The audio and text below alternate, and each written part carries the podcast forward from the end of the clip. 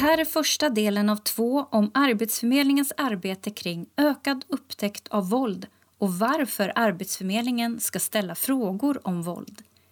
Du lyssnar på Arbetsförmedlingens jobbpodd och jag heter Charlotte Lindman.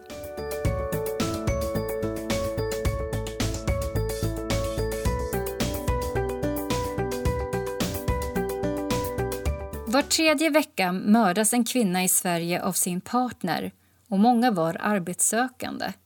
Nu har Arbetsförmedlingen fått i uppdrag av regeringen att öka upptäckten av våld i samverkan med andra myndigheter. Försäkringskassan, Migrationsverket, Socialstyrelsen och Jämställdhetsmyndigheten. Uppdraget är att öka upptäckten av våld i nära relationer hedersrelaterat våld och förtryck samt sexuellt våld då det kan påverka arbetsförmågan. Vi träffar Åsa Frostfeldt som ska berätta mer om det här. Och Åsa hon är ansvarig på Arbetsförmedlingen för införandet av regeringens uppdrag som kallas Ökad upptäckt av våld. Hon har arbetat med mänskliga rättigheter i statlig och kommunal förvaltning i över 20 år. Välkommen till Arbetsförmedlingens jobbpodd. Tack så mycket. Varför ska Arbetsförmedlingen ställa frågor om våld? Mm. Det vi har sett är ju helt enkelt det att våld kan vara en dold orsak till arbetslöshet och till ohälsa. Och vårt främsta uppdrag på Arbetsförmedlingen är ju att mass, matcha och rusta en person mot arbetsmarknaden. Och för att göra detta på bästa sätt så behöver vi känna till om det är någonting som begränsar arbetssökandet. Det kanske kan vara så att man inte kan vistas i alla geografiska områden. Till exempel om ens förövare bor eller jobbar på ett visst ställe. Eller så kan det vara så att vissa typer av jobb inte är lämpliga att söka om man har en hotbild mot sig. Mm. Till exempel så kanske man ska ha ett utåtriktat arbete, kanske jobba mer backoffice då om man har den här problematiken. Mm. Men varför har då Arbetsförmedlingen fått det här regeringsuppdraget? Mm.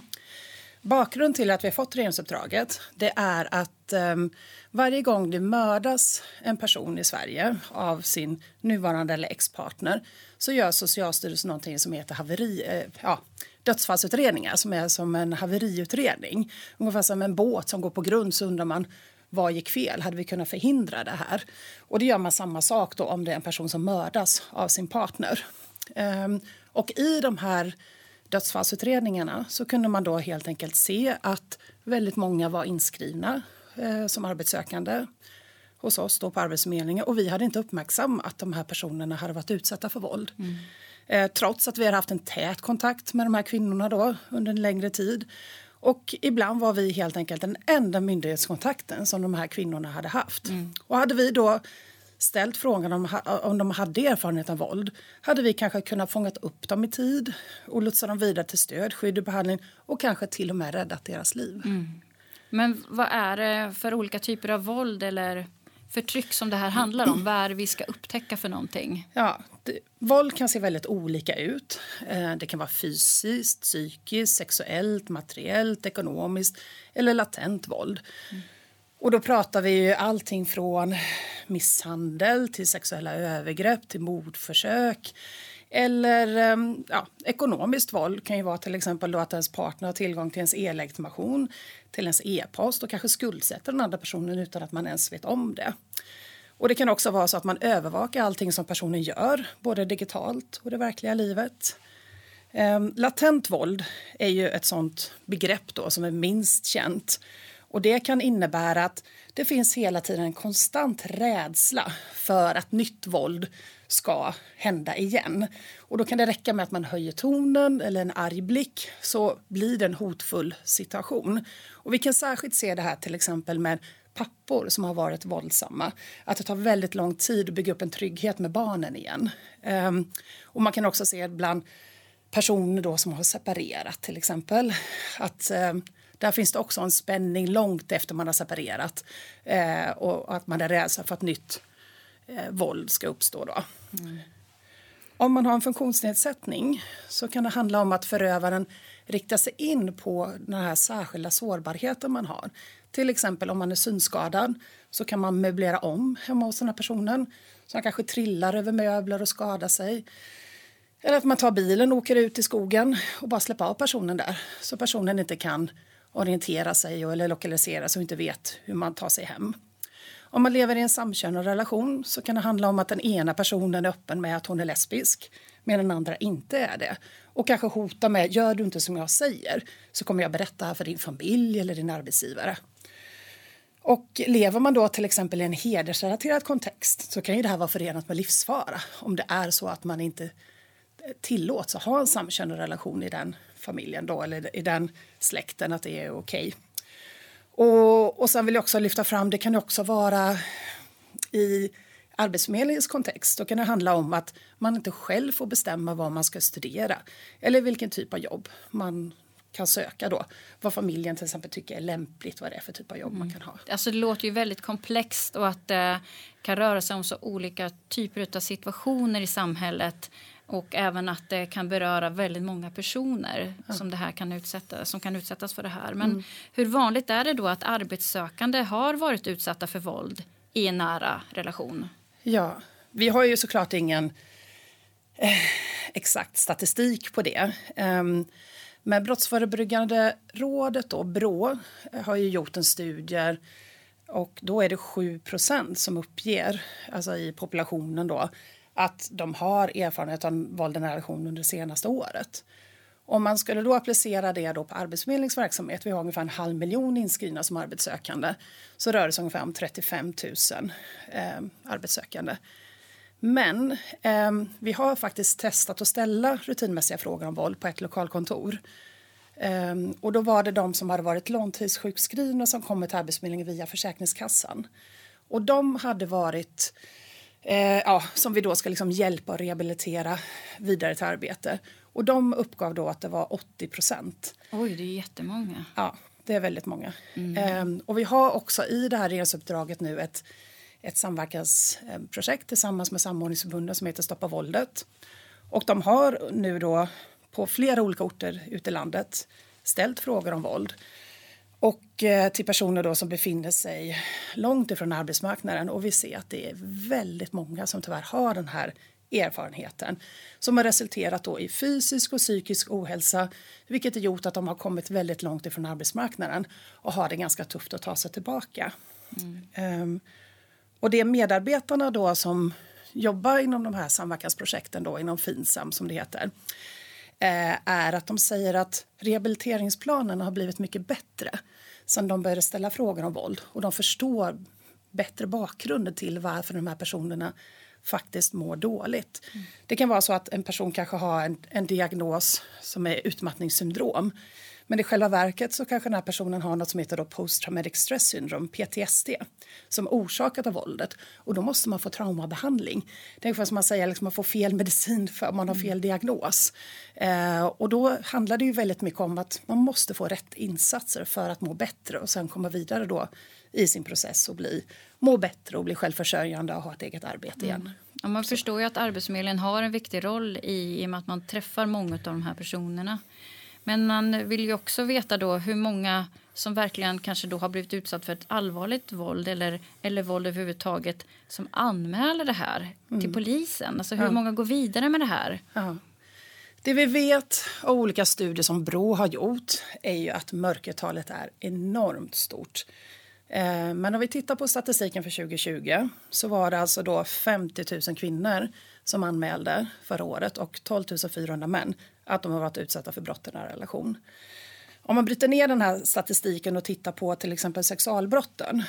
I den här statistiken då är det ju både bekanta, alltså det kan både vara liksom en våldtäkt inom ramen för ett förhållande och en överfallsvåldtäkt på, på stan, liksom, så okänd förövare. Och då var det 20 000 kvinnor som anmälde det förra året mm. och 2 600 män. Eh, och då ska vi också nämna att i den här statistiken så ingår det också brott mot barn. Och tittar man på det hedersrelaterade våldet så var det då 1600 kvinnor som anmälde det här och 500 män. Och, eh, men det, det jag vill lyfta i sammanhanget också, för jag pratade ju tidigare om dödsfallsutredningarna. Och vi kan ju se när det gäller det grövsta våldet, det som leder till dödsfall eller liksom att man behöver liksom söka skydd på ett skyddat boende för att förövaren är så farlig så man måste ha skydd. Ehm, eller att man måste ta sig till, till sjukhus man har brutna reben, brutna ben, man har fått skallskador och så vidare ehm, så är ju liksom kvinnorna i majoritet ehm, där. Att det grövsta våldet i det här, när det gäller brott och relation riktar sig mot kvinnor. Um, och det är det vi kan se också då att var tredje vecka så är det en kvinna som mördas av sin partner eller expartner i Sverige. Mm. Ja, man förstår att mörkertalet är stort och kanske svårt att uh, upptäcka alla gånger. Uh, men på vilket sätt kan en arbetssökande då som är våldsutsatt vara då sårbar? Mm. Vad är det vi ska ta hänsyn till här? Ja, men det som är bra att tänka på är ju att man kan vara då också befinna sig i ekonomisk utsatthet när man är arbetssökande eftersom det är inte är helt lätt att lämna en relation och få ett nytt boende om man inte har en fast anställning. Ehm, det kan också vara så att man är traumatiserad av våldet och man var väldigt dåligt. Man har ju kanske då sina kognitiva förmågor påverkade. Till exempel man har kanske svårt att koncentrera sig, man kan ha problem med minnesstörningar och så vidare. Och i det läget kan det vara väldigt svårt då att liksom sälja in sig själv till en ny arbetsgivare. Ehm, och som jag nämnde tidigare också att man, man kan ju också ha begränsningar i vilken typ av jobb man kan söka om man har en hotbild mot sig. Mm. Ja, du pratar om det här att man kanske inte alltid ska stå liksom frontline utan att man kanske behöver ha ett lite mer diskret arbete om man är utsatt. Ja. Mm. Men vad innebär då det här regeringsuppdraget då i praktiken för eh, Arbetsförmedlingen? Mm. Det handlar eh, om att vi har då arbetat fram rutiner på myndigheten hur vi ska arbeta med det här uppdraget. Hur vi ska ställa frågor, vilken typ av frågor vi ska ställa. Vi har tagit fram ett frågeformulär till exempel som finns på Arbetsförmedlingens hemsida. Så vill man veta vad det är för frågor vi kommer ställa så kan man gå in och hitta den på vår hemsida. Då. Ehm, och ehm, det handlar om framförallt om en väldigt stor utbildningssatsning till våra medarbetare. Så alla eh, som har kontakt med arbetssökande ska få gå då en eh, kunskapshöjande kurs kring ökad upptäckt av våld. Eh, och eh, det man kommer lära sig där, eller få mera kännedom om, det är bland annat hur våldet påverkar arbetsförmågan, eh, hur man kan samtala om våld och hur man ska agera om man får kännedom om att en arbetssökande är då våldsutsatt eller våldsutövande. Mm. Men vilka är då de vanligaste reaktionerna som man kan få om man ställer frågan just om våld? Tack för att du frågar. Det är den absolut vanligaste reaktionen. Mm. Det finns en viss oro, att man tror att man ska bli... Ja, att man ska känna sig eh, kränkt eller att personen ska bli väldigt upprörd eller så vidare. Men det, man får inte de reaktionerna. Mm. Utan eh, eh, om man tittar på hälso och sjukvården och socialtjänsten som under en längre tid har ställt de här frågorna så förstår man varför de ställs och varför de är relevanta. Mm. Jag tror till exempel att de flesta kvinnorna som har varit gravida har fått den här frågan på eh, när man har varit gravid och även när man har kommit till BVC sen efteråt. Så det har blivit liksom en ganska naturlig del inom vissa verksamheter. Och det är det som samhället gör nu och regeringen vill att vi ska skala upp det här. Så man ska liksom öka upptäckten på fler håll. Eh, och då för att vi vet liksom att våldet påverkar vår hälsa väldigt mycket. Och precis som det är naturligt att man får idag frågor om alkohol och droger till exempel när man pratar hälsa så kommer man få det också om våld. Mm. Ehm, så det ska inte vara tabubelagt längre och det är viktigt att ta bort den här skammen också. Ehm, och fokusera på att det här är ett stort samhälls och folkhälsoproblem som kostar samhället enorma pengar. Både om man tänker sig på rättegångskostnader, liksom mm. kriminalvården, socialtjänsten, inom hälso och sjukvården, eh, ja, personer som blir sjukskrivna, a-kassa, ja, men också då framförallt det mänskliga lidandet. Eh, och jag hade ett samtal med en kvinna som är arbetssökande för ett tag sedan och också hade erfarenhet av våld. Eh, och hon ehm, sa till mig, jag önskar att jag hade fått den här frågan för tio år sedan. Då hade jag inte behövt tappa tio år av mitt liv. Mm. Varför ställde inte den här frågan tidigare? Varför har ni inte gjort det här tidigare? Um, så att um, det tror jag är ett väldigt viktigt perspektiv att ta med sig. Att få stopp på våldet tidigt. Um, och att samhället också har kommit en bra bit på vägen när det gäller att ge stöd till våldsutövare. Ehm, så att det finns stöd både för de utsatta och förövarna. Mm. Ja, för det är ju ändå en väldigt känslig fråga ändå, måste man ju säga. Och eh, man kan ju förstå ändå att det känns både svårt att ställa den då. Men som du berättar nu så eh, blir det ju mer och mer normaliserat om alla ställer den här frågan. Mm. Och framförallt om man då finns i olika myndigheters eh, system eller inom sjukvården så har man kanske större chans att upptäcka. Mm. Men det man kan fundera på är ju då vad man kan förvänta sig just ifrån Arbetsförmedlingen om man mm. då är utsatt i en sån här situation. Mm. Vad kan Arbetsförmedlingen göra? Mm. Eller vad får vi göra? Mm. Eller vad måste vi göra mm. från Arbetsförmedlingens håll? Det korta svaret är ju att vi ska ställa frågor om våld, öka upptäckten av våld och sen ska vi hänvisa vidare då för stöd och skydd. Eh, de som ska göra hot och riskbedömningar det är polisen och socialtjänsten.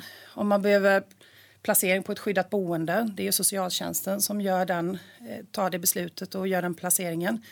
Eh, när det gäller samtalsterapi till exempel så är det hälso och sjukvården som kan, kan erbjuda det. Så det vi kan göra är helt enkelt att hjälpa till att hänvisa vidare till de här kontakterna.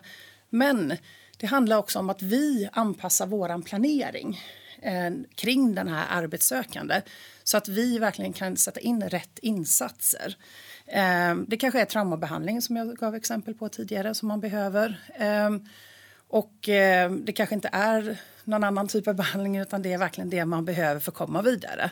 Eh, och eh, jag vill också verkligen förmedla vikten av det här med att Arbetsförmedlingen är en jätteviktig aktör i att hjälpa till att upptäcka våldet. Men vi, det här är ju ett samverkansarbete med andra organisationer och myndigheter. Det här är ingenting som någon kan lösa på egen hand. Här måste vi liksom kroka arm och hjälpa till. Mm. Men ligger det något ansvar hos personen då som har blivit utsatt att prata eller berätta? Nej, alltså jag skulle säga det är helt frivilligt eh, att berätta om våldet. Eh, vi vet eh, till exempel att ungdomar de är ganska snabba på att berätta om våldet i relationer, hur det ser ut i skolan, på i digit ja, digitala sociala medier och så vidare. Eh, men vi vet också att de som lever i en mer långvarig relation, man kanske har gemensamma barn, gemensamt boende, gemensamma lån och så vidare. Det tar längre tid, en längre process innan man är redo att söka hjälp. Um, men om det är så, och sen kan det ju också vara så att man har vålds, liksom varit våldsutsatt um, tidigare, men man, man har fått hjälp att bearbeta det. Då kanske det inte är något som påverkar ens arbetssökande. Det är klart, då behöver man ju inte dra upp det om man känner liksom att man är klar med det. Utan det är om man känner att det här är något som påverkar min fysiska och psykiska hälsa. Och det behöver man ta, och jag har en hotbild mot mig till exempel då. Då behöver man ta det med, ha med det i planeringen helt enkelt. När man mm. gör en, antingen då en rehabiliteringsplan eller när man bara ska matcha någon mot ett jobb. Så, så att, mm. Eh, mm. Men det här är ju en jättestor satsning nu som har, som har börjat pågå här nu under början av 2021 och mm. kommer att fortsätta. Och det är ju många medarbetare på Arbetsförmedlingen som ska få den här utbildningen. 7400 pratar du om. Mm. Eh, och vi, eh, de som då redan träffar eller pratar med arbetssökande har redan börjat ställa frågor om våld mm. för personer då som skrivs in eller är inskrivna. Mm. Men vad är det för effekter som eh, ni önskar nu få uppnå genom att eh, Arbetsförmedlingen börjar ställa ställa frågor om våld? Mm. Ja, först och främst vill jag ju säga då att det är ju faktiskt en mänsklig rättighet att leva ett liv fritt från våld. Um, och någonting som jag brukar tänka på det är ju att man har ju så nollvision när det gäller döda trafikoffer ute på vägarna. Att ingen ska behöva dö i en trafikolycka. Varför har vi inte nollvision när det gäller att ingen ska dö av våld i en nära relation? Eh, och jag har den här nollvisionen i mig hela tiden när jag jobbar med det här uppdraget och tänker liksom att vi måste kunna vända det här och då måste vi kunna hjälpa till tillsammans. Och det handlar ju om också att inga barn ska behöva växa upp i de här familjerna och behöva se det här. Så att vi också får slut på den här typen av våldsamma beteende som går i generationer och generationer. Så att jag är jättepositiv att vi kan faktiskt få stopp på det här. För att om man tänker att om man tänker okej, okay, eh, alla kan inte göra allt, men vi kan alla göra något. Mm. Så om, om, du som antingen som vän eller kollega eller som arbetsförmedlare lyckas få stopp på en, på en bara en eh, våldsam relation då kan du liksom känna ändå ja, jag har gjort något väldigt bra. Om vi alla i Sverige hjälps åt mm. så är ju faktiskt inte den här nollvisionen så himla långt borta. Eh, och jag tycker också, som jag, ja, jag har jobbat med det här nu i snart 20 år på olika sätt. Och jag tycker att jag har sett en jättestor eh, attitydförändring till frågorna under de här åren. Eh, och eh, framförallt att det inte är lika skamfyllt att prata om våld längre. Så därför också, tror jag också att det, det här uppdraget kommer väldigt bra i tid. För det är mycket lättare att prata om det nu än det var för eh, några år sedan tillbaka. Eh, så så att, eh, ja, vi behöver hjälpas åt gemensamt tillsammans för att få stopp på våldet och för att fler ska kunna leva ett, ett, ett liv fritt från våld, må bättre och bli ekonomiskt eh, självförsörjande. Mm. Men förutom Arbetsförmedlingen som har fått det här uppdraget då, om man nu lyssnar på det här avsnittet, var mer kan man vända sig för att få hjälp? Mm. Ja, men först och främst så tycker jag att man ska ringa till Kvinnofridslinjen som är då liksom en statlig nationell stödtelefon som öppnar dygnet runt med utbildad personal som kan guida dig vidare vart, vad det finns för typ av stöd och hjälp att få till exempel i din, i din kommun där du bor. Um, och det finns också då om man känner att man har ett man, har liksom, man känner att det här är inte bra, det här beteendet jag har. Jag vill, jag vill verkligen få hjälp med att sluta med det här aggressiva beteendet eller våldsamma beteendet. Då finns det också en nationell stödtelefon som heter Välj att sluta. Sen finns det också en rad frivilliga organisationer som kvinnojourer, brottsofferjourer och så vidare och söka hjälp hos. Och eh, vi har ju tagit fram en en hänvisningssida på Arbetsförmedlingens hemsida då, där vi har samlat de här olika stödnumren vart man kan vända sig för att få hjälp och stöd. Mm. Mm. Vi kommer ju också lägga ut de här både numren och länkarna till olika de, utav de här jourerna som du just nämnde. Men mm. Åsa Frostfeldt, ett stort tack för att du kom till Arbetsförmedlingens jobbpodd och berätta om det här jätteviktiga ämnet. Mm. Tack för att jag fick komma hit.